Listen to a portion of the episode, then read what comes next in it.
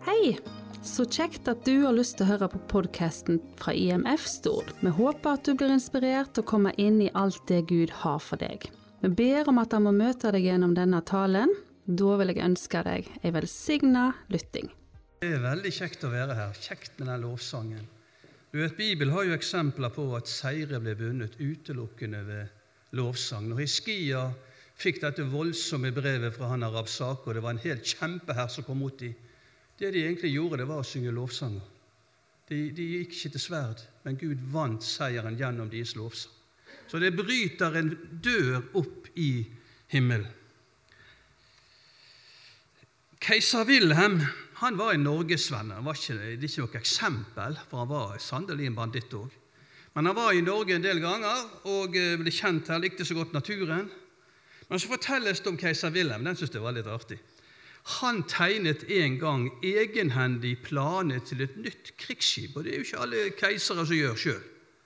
Og så ga han det tegningene til sin marineminister.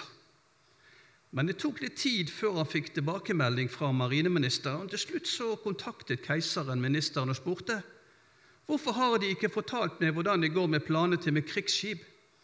Mm, ministeren vegret seg litt, men sa til slutt at det var en del ting som måtte forandres. Forandres? Var ikke maskinene kraftigere enn i noe annet krigsskip? Jo, Deres Majestet. Var det ikke det sterkeste armerte krigsskip i hele verden? Jo, Deres Majestet. Men hva er det da er i veien? Skipet kan ikke flyte, Deres Majestet. Du vet, Hva har dette med jul å gjøre? Jesus kom med et budskap som flyter, som ikke søkker, som, som ikke detter vekk, som tåler alt. Og det, vi, Mennesker har prøvd på alle måter å gjøre seg fortjent til Guds frelse.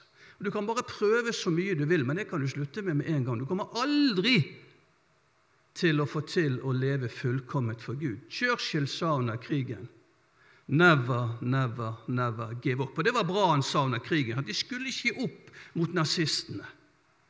Men det er en ting du skal gi opp, og det er å prøve å gjøre deg fortjent til Guds frelse.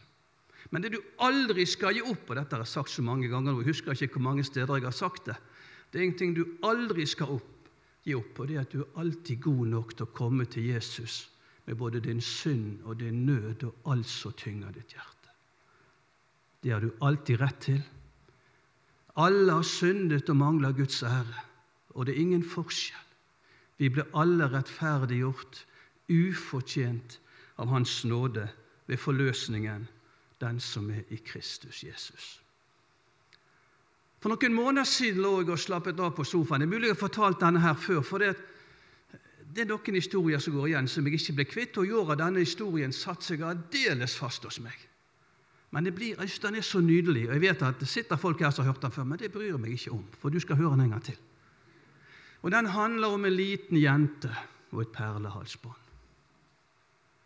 Du vet, En jente på fire år liker rosa, og en jente på fire år liker perlehalsbånd. Iallfall gjorde denne jenten sitt andre det.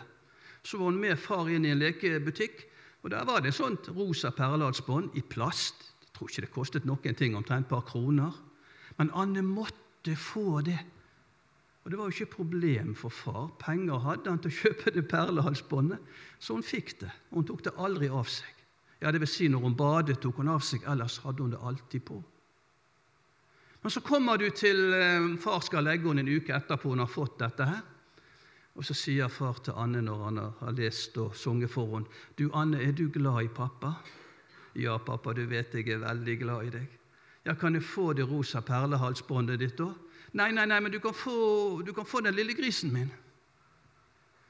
Og så går det en uke til, og så er det igjen fars tur til å legge Anne, og så sier han etterpå at 'Du, Anne, er du glad i pappa?' 'Ja, du vet jeg er veldig glad i deg, pappa.' Ja, kan jeg få det rosa perlehalsbåndet ditt? Og, nei, nei, men du kan få den nye dukken min. Og Så går det ikke en uke engang, og da kommer Anne når far er hjemme en ettermiddag med hånden frem, og så åpner hun. Og hva ligger der? Jo, du gjettet helt rett. Det er rosa perlehalsbånd. Og så sier Anne, 'Pappa, jeg er så veldig glad i deg. Du skal få det.' Og da er det den flotte historien kommer. Da tar faren opp av lommen noe som har lagt der hele tiden. men som han ikke ville gi til Anne før hun ga han det perlehalsbåndet som ikke var verdt noen ting. Det var et ekte rosa perlehalsbånd med ekte perler, skikkelig dyrt, noe hun kunne ha hele livet. Ser du evangeliet i denne historien? Vi tror det å komme til Jesus og det å gi han vårt liv er noe. Det er bare en rusten blikkboks. Vi har ingenting å tilby Gud. Men når vi gir Han vårt liv, når Han får tømme oss for det som er vårt, så fyller Han oss med noe som er ekte, verdifullt, noe som aldri går i stykker, skatter som aldri taper sin glans, gir Han oss i bytte. Rettferdighetens fine liv, fin, rettferdighetens fine, hvite lin. Alt vi trenger for liv og salighet. Jesus kom for at vi skulle få legge av alt dette vi ikke får til, og så får vi alt dette i bytte. Og så har jeg fått en veldig spesiell tekst i dag. Jeg, har aldri tenkt at dette skulle være en, en, en, en juleevangeliumstekst. For jeg skal snakke om Gideon. Ja, men Hva i all verden har Gideon med juleevangeliet å gjøre, da? Jo, det er noen likheter, og til slutt er det en kjempeforskjell. Likhetene ligger i jeg tror ikke jeg leser så mye, jeg tror jeg forteller mer, men hvis dere vil lese hele beretningen hjemme seinere i dag, så finner du han i Dommerne 6, 7 og 8. Ja. Men jeg skal lese litt. Israels barn gjorde det som var ondt Nå leser jeg fra vers, kapittel 6. Israels barn gjorde det som var ondt i Herrens øyne, og Herren ga dem i midjanittenes hånd i syv år. Midjanittenes hånd lå tungt på Israel, det var derfor Israels barn innrettet de grottene som finnes oppe i fjellet, huler og fjellborgene. Og de som har vært i Israel, har sett dette her. Oppe i de er det jo flere av dem. De slo leir midt imot dem og ødela avlingen i hele landet, helt til Gaza, og lot ikke være igjen noe å leve av i Israel, verken av småfe eller storfe eller esler. For de dro opp med sine horder og sine telt, de kom som gresshopper i mengde, det var ikke tall på de og kamelet deres. De kom inn i landet og herjet det. Og da Israels barn ropte til Herren for midjanittenes skyld, da sendte Herren en profet til Israels barn. Og Dette er en historie som går igjen, og her har vi en likhet. ikke sant? Israelittene hadde gjort så mye godt at Gud straffet dem med midianittene. Men så ropte de til Gud, og så sendte han en frelser. Når våre synder blir tunge nok, står det Når våre synder blir tunge, da sletter du de ut. Så lenge vi tar lett på synden, trenger du ikke en frelser. Du trenger iallfall ikke en stor frelser, og frelseren blir aldri stor for deg. Men når du virkelig får se at selv dine beste motiver, selv alt du prøver på, ikke holder mål på Gud, når du gir opp denne kampen med å gjøre deg fortjent til Guds frelse og kapitulerer, da ser du virkelig Oi, jeg har jo en frelser som har alt. Og nå ropte midjanittene til Gud, og han sendte dem til en frelser. Og så har vi en likhet til, fordi at han, han søker Gideon som den som skal være frelseren i denne sammenhengen. Han kommer av ringe kår, han kan ikke forstå at han skal være utvalgt til noe som helst. Jesus ble født i en fattig stall, Det var ikke alle som skjønte at dette skulle bli verdens frelser. Man kunne høre der på marken. Det var litt artig at de fikk vite det først. da. De lå ikke akkurat høyest på rangstigen.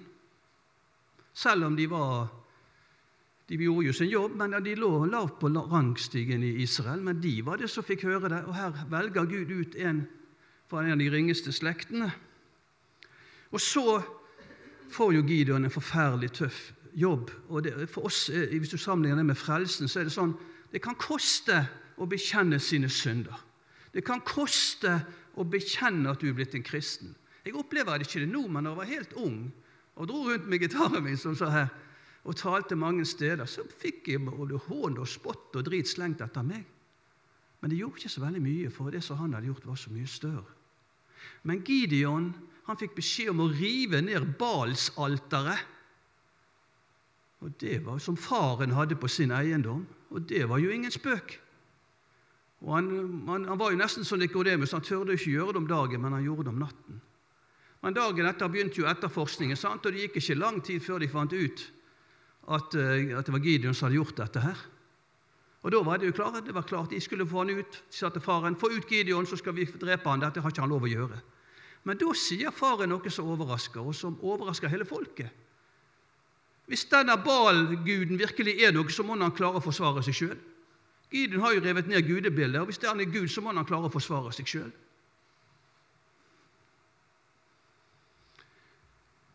Men Gideon blir spart.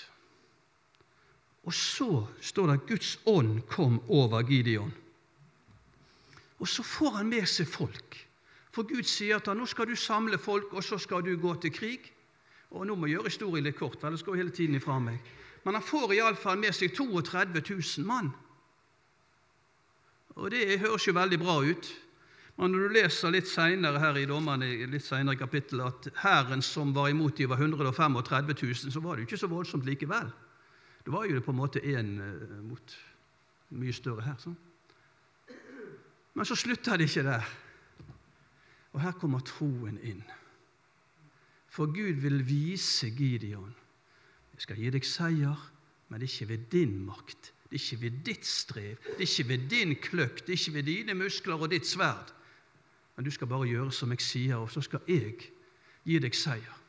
Så får han beskjed om at de som er redde og engstelige og, og, og sånn, ikke vil gå i krig, de kan bare dra hjem igjen.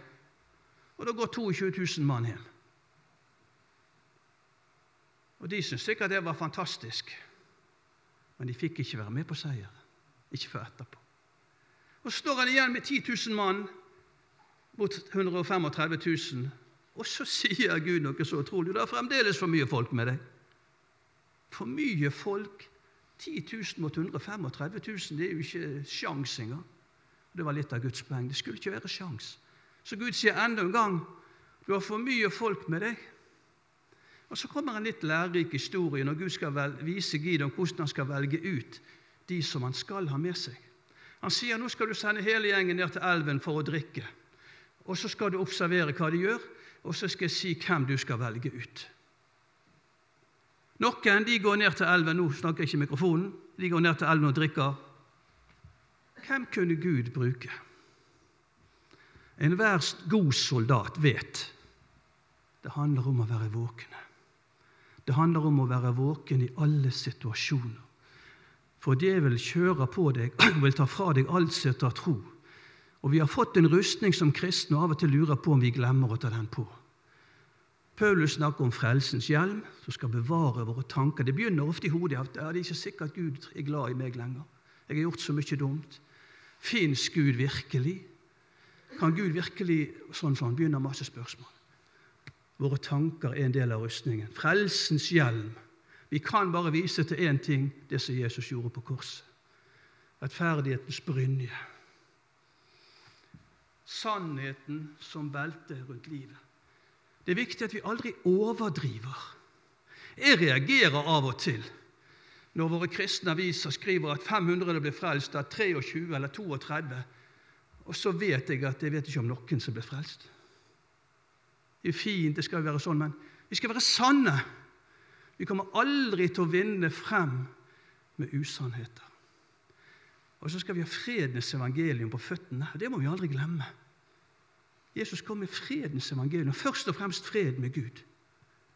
Men vi skal leve sånn at vi så langt det er mulig, sier Skriften, holder fred med alle mennesker. Men vi kan aldri gå på akkord med Guds bud.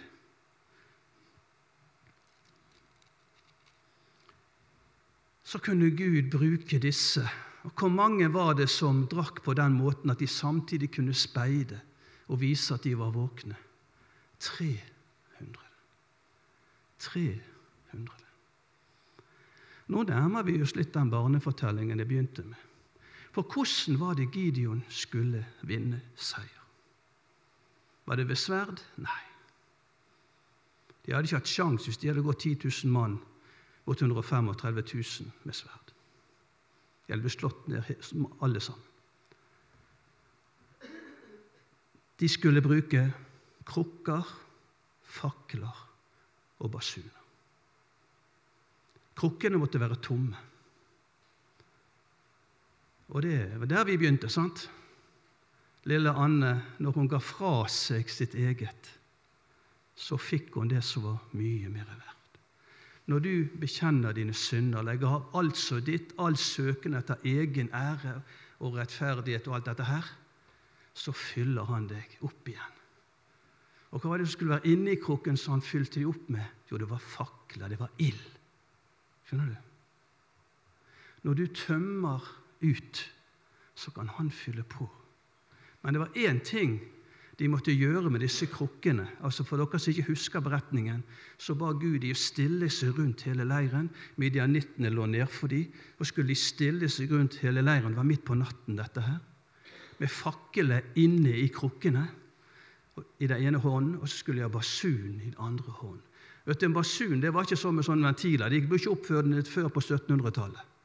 Det var bare sånn de kunne, signaltrompet som du kunne spille på, men ikke med ventiler. Så det var ingen problem. det der. De kunne klare seg helt fint. Men hva var signalet til Gideon?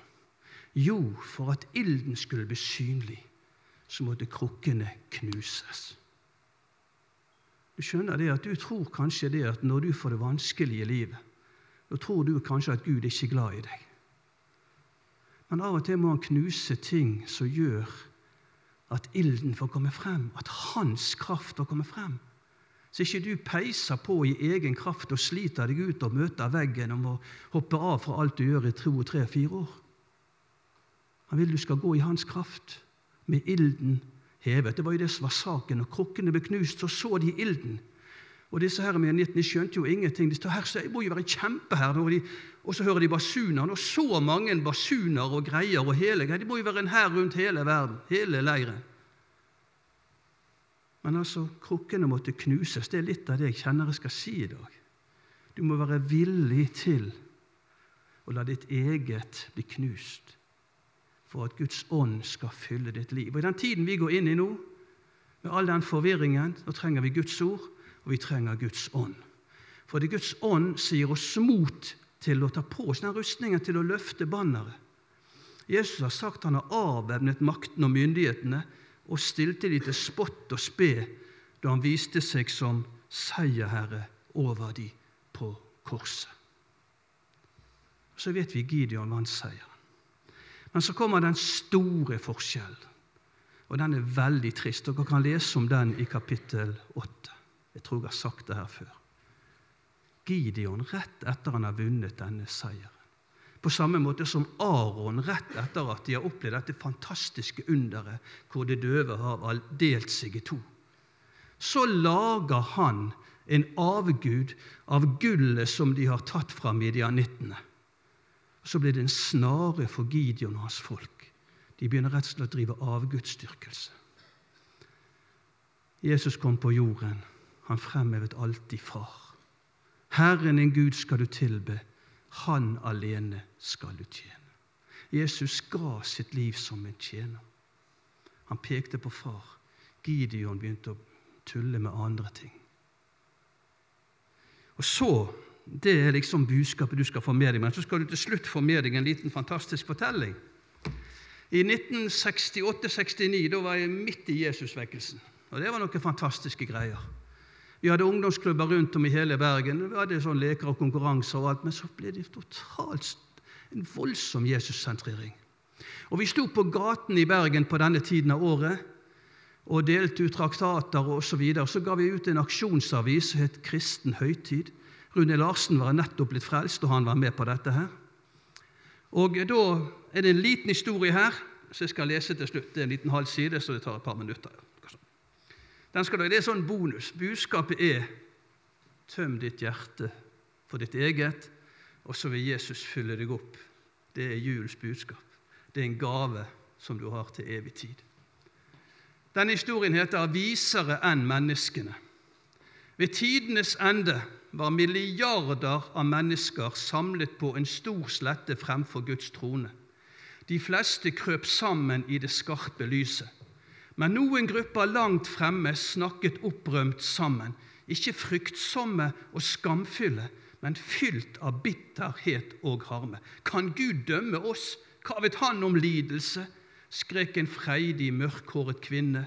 Hun løftet armen og viste frem et tatovert nummer fra en nazistisk konsentrasjonsleir. Vi måtte tåle terror, slag, tortur, ja, død. En mørkhudet gutt i en annen gruppe rev av seg skjorten. Hva med dette? ropte han anklagen og pekte på merkene etter piskeslag. Lynsjet bare fordi jeg er født sort. I en annen gruppe mumlet en gravid skolepike med matte øyne. Hvorfor skal jeg lide? Det var jo ikke min skyld. Alle hadde de sine anklager mot Gud fordi han hadde tillatt så mye ondskap og lidelse i den verden han hadde skapt. Så heldig Gud var, som bodde i himmelen. Der var jo alt lyst og godt. Der var verken gråt eller redsel, verken hunger eller hat. Hva vet Gud om alt det mennesket tvinges til å bære gjennom livet? Han lever jo et beskyttet liv. Så sendte disse gruppene fram hver sin leder. En fra Hiroshima. Og eh, hver av disse her hadde blitt valgt fordi han hadde lidd mest. En jøde, en sort, en fra Hiroshima, en kasteløs fra India, en fra en sibirsk arbeidsleir. Og De møttes midt på sletten og rådslo. Så var de klar til å legge fram sin sak. Og den var smart uttenkt. Dersom Gud skulle bli kvalifisert til å være deres dommer, måtte han først gjennomgå det samme som dem. De krevde at Gud skulle dømmes til å leve på jorden som et menneske. La han bli født jøde, la det være tvil om farskapet. Gi henne oppgave som er så vanskelig at endog hans familie tror at han er sinnssyk når han prøver å utføre den. La han bli sveket av sine aller nærmeste. La han møte falske anklager og prøves av en jury med forutunntatte meninger. La han så dømmes av en feig dommer. La han bli torturert, og la han til slutt kjenne hvordan det er å være ensom og forlatt av alle. La han så dø. La ham dø den mest fornedrende og pinefulle død, som en forbryter, mens mange mennesker ser på. Etter hvert som lederne ropte ut hver sin del av dommen, ble de møtt av et bifall av den store menneskemassen på sletten. De ord, da de siste ordene i dommen var ropt ut, da ble det med ett dødsstille. Ingen hadde noe å si. Ingen rørte seg. For plutselig visste alle at Gud allerede hadde sonet dommen. Jeg tror dere skjønte det. Herre, vi legger dagen videre i din hånd. Priser deg for alt som skjer her. Velsign hver eneste som er kommet. I Jesu navn. Amen. Da håper jeg du ble møtt av Gud gjennom denne talen. Husk, han har kun det beste for deg. Vi vil òg benytte muligheten og ønske deg hjertelig velkommen til våre samlinger på Lærvik bedehus. Og Mangler du et kristen fellesskap, er du velkommen til IMF Stord. Besøk oss gjerne på vår Facebook-side eller på vår hjemmeside imfstord.no for mer info. Ha en velsigna dag, da, og takk for at du lytta.